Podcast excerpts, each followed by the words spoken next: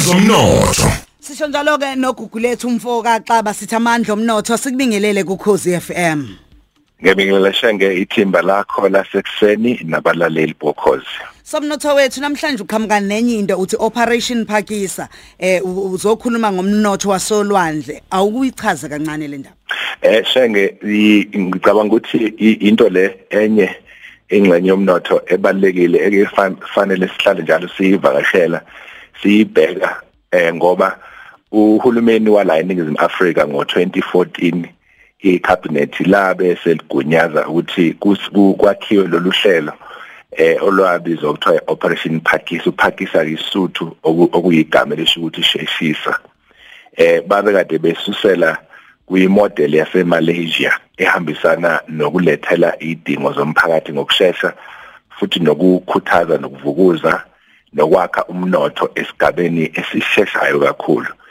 Eh izinto lezi iningizimu Afrika eyizenze bese ihamba hamba ubona seyingathi ziyafiphala ekumele ukuthi silokhu sikhuthaza ukuthi laba bakupolitiki abasiholayo bakukhuthalele njalo ukuhlala beyiphusha lezi zinto ngoba ziyusizo ngendlela emangalisayo buka nje lengxenye yomnotho eh uma iqala ulwandle luyinto abantu abaningi abayibuka nje njengendawo yokuthi uyobhukuda khona noma mhlawumbe bebuka kuhamba imkhumbi.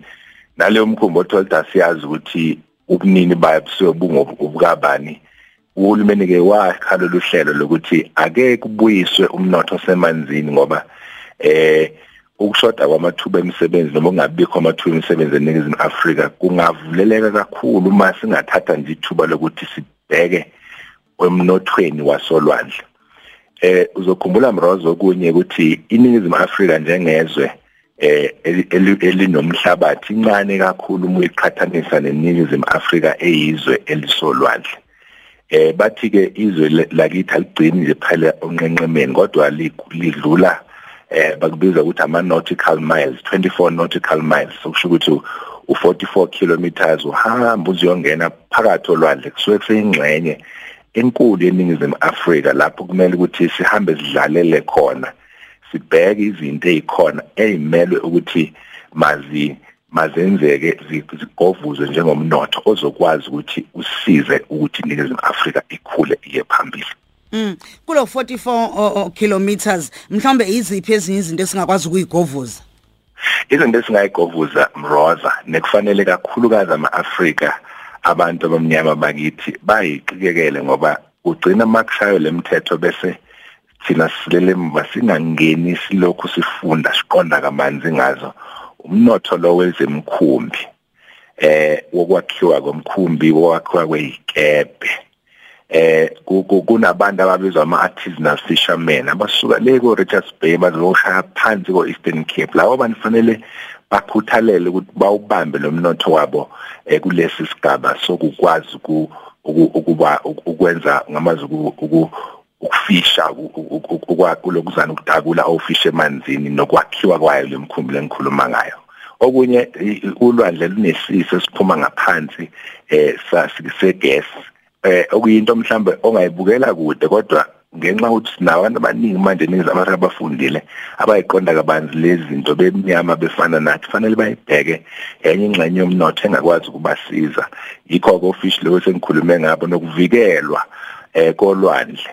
Ukuvikela kolwandle izinto efanele silethe njengama proposals kuhulumeni lokhu ngoba ulwandle lethu njengoba ngithi ligcina ku44 kilometers akumele kube khona imkhumbi yangaphandle engena ngaphakathi ukuze izo izo izo harvest lapha ivuna ufish kumele ukuthi eh kube khona indlela zokuvikela. Abanye ke bangasho ukuthi cha umsebenzi kakhulu kahulumeni kahulumeni lo. Yebo kunjalo kodwa phela uhulumeni wethu kumele fasihambise izethulo ezishoyo ukuthi singavila kanjani ulwandle la ukuthi kungangeni imkhumbi yangaphandle izodlalela lapha kule ndawo ebizwa ukuthiwa iningizimu Afrika yethu. Rosa Mm. Okusho khona ukuthi ke mhlambe sesiya ngasemaphethelweni nje eh kubalekile ukuthi ke eh, kubukwe nezokuvakasha khona eh, okuthinta khona ulwandle nanezinye nje izinto ukuthi lungaphathwa kanjani ke lona ulwandle mhlambe ke imisebenzi uma ubheka nje kuyona le operation Pakisa ingaba mningi yini engavela Ngaminingi kakhulu Mroza eh eh ku- ku- kusuka waqala neoperation Pakisa cishe ingama izinkulungwane ezinhlanu imisebenzi esiyakhiwe nemali ecishe ko 17 billion wamarandi eh uma ungabuka ke eh kusuka manje kuyaphambili uma singabheka nje ngeso elibanzi kuyo lemboni eh kungaba khona imisebenzi eminingi kakhulu ngokuphindwe kane. Cishe ngaba u20000 eh imisebenzi engakwazi yenzeke kule ndawo. Mm. Amandla omnotho eh iconference grand eh, conference ezoba khona. Mhlawumbe ungasixoxela nangayo? Izoba khona mroza inkomfa sekusele insuku ezimbili ngolesihlanu 22 nangomgqibelo.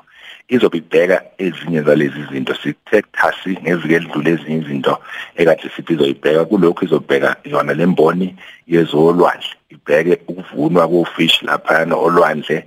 Ibheke ama essential oils.